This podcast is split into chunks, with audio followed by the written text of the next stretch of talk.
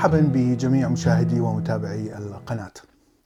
جاءتني عدة أسئلة عن الفرق ما بين ال micro evolution وال macro evolution أو التطور آه، القصير المدى والتطور البعيد المدى أو التطور الكبير.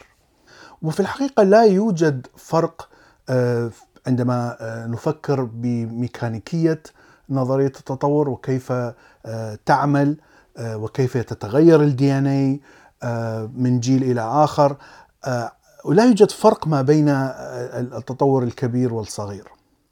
الفرق الوحيد هو النظرة من خلال زمن معين أو بعدد أجيال معينة. بمعنى أن التطور الصغير أو ال micro evolution يحدث في خلال عدة أجيال وبزمن قصير نسبيا طبعا نسبة إلى عمر الأرض ف آه، آه، والتغير عادة يكون تغير بسيط جدا وأكثر الأحيان لا يحصل تغير في النوع. وتعريف النوع هو إمكانية أفراد النوع من التزاوج فيما بينهم. بمعنى أن التطور الصغير آه، يحدث للأفراد داخل النوع لكن هؤلاء الأفراد لا يتغيرون إلى نوع آخر.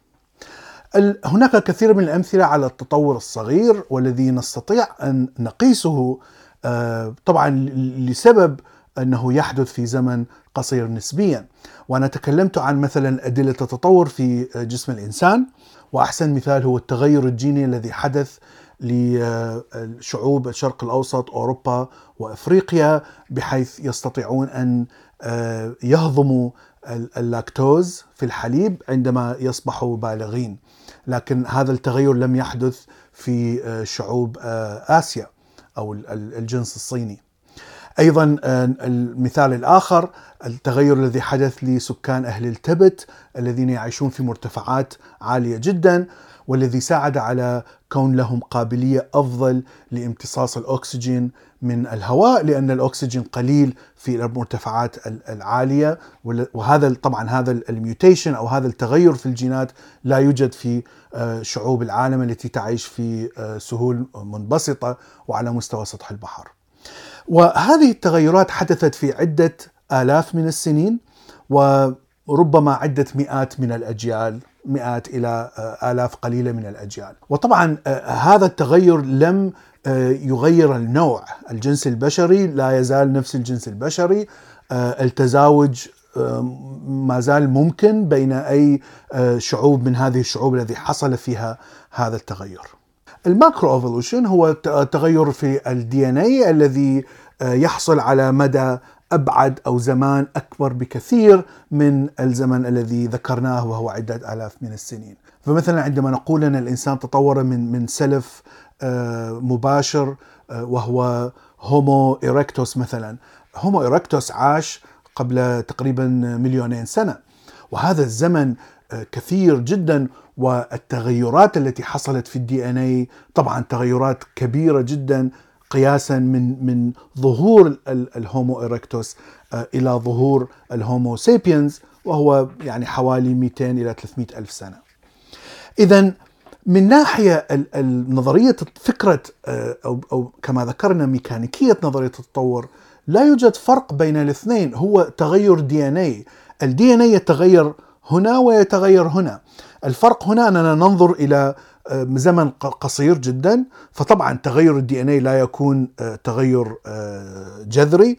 لكن هنا عندما يكون التطور كبير التغير يكون تغير كبير جدا.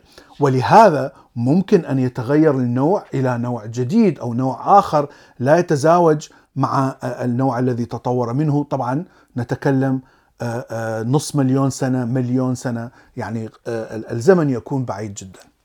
أعتقد أن السؤال يطرح آه، لأن بعض المتدينين أو المثقفين المتدينين آه، يقولون أن ال micro evolution أو التطور القصير آه، يوافق الأديان الإبراهيمية ويوافق فكرة أن الله أو الإله خلق الإنسان.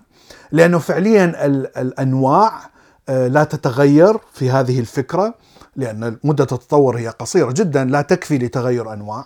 ولهذا فهم يقولون أن التطور القصير يوافق الدين لكن التطور الكبير لا يوافق الدين لأنه فعليا يفسر كيف نشأ الإنسان آه، أو نوع الإنسان آه، من هومو إيركتوس ونعود إلى سالف مشترك مع الشمبانزي والغوريلا وثم نعود إلى أكثر من ملايين وملايين وملايين السنين إلى سالف مشترك مع القرود وثم مع اللبائن فطبعا هذه الفكرة يرفضها الدين وخاصة الأديان الإبراهيمية ولهذا فهم يرفضون هذه الفكرة. لكن الشيء الغريب أنه نفس المبدأ ونفس الميكانيكية التي تدفع بتغير ال DNA في الفترة القصيرة هي نفس الميكانيكية التي تغير ال DNA في الفترة الطويلة يعني الفرق بينهم هو فقط معدل التغير ال DNA في زمن أطول. فأرجو أن يكون هذا جواب واضح للسؤال وشكرا لكم وإلى اللقاء في حلقة أخرى.